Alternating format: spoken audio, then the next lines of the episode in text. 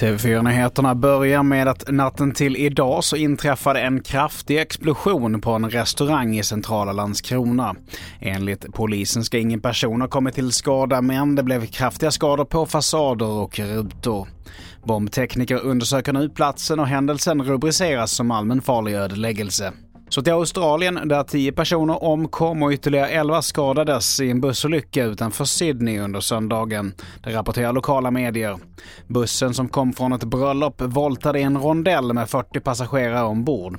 Och föraren, en 58-årig man, har gripits av polisen och kan komma att åtalas. Till sist, över en miljon katter är fortfarande oregistrerade i Sverige. Detta trots att det är sedan årsskiftet lag på att de ska skrivas in hos Jordbruksverket. Och enligt siffror som TV4-nyheterna fått ta del av så är det bara var fjärde katt i som finns i Sverige som är registrerad. Och så här säger Camilla Henningsson som är föreståndare för Kalmar djurhem om varför man ska registrera sin katt. Det är viktigt att märka sitt djur. Eh, blir den påkörd så är det enkelt att hitta ägaren. Tappas den bort så hittar vi ägaren snabbt när den kommer till oss eller en privatperson kan ju läsa av ID-märkningen. Alltså det är ett problem. Eh, det hade varit mycket bättre om folk märkte sina katter. Fler nyheter hittar du på tv4.se. Jag heter Mattias Nordgren.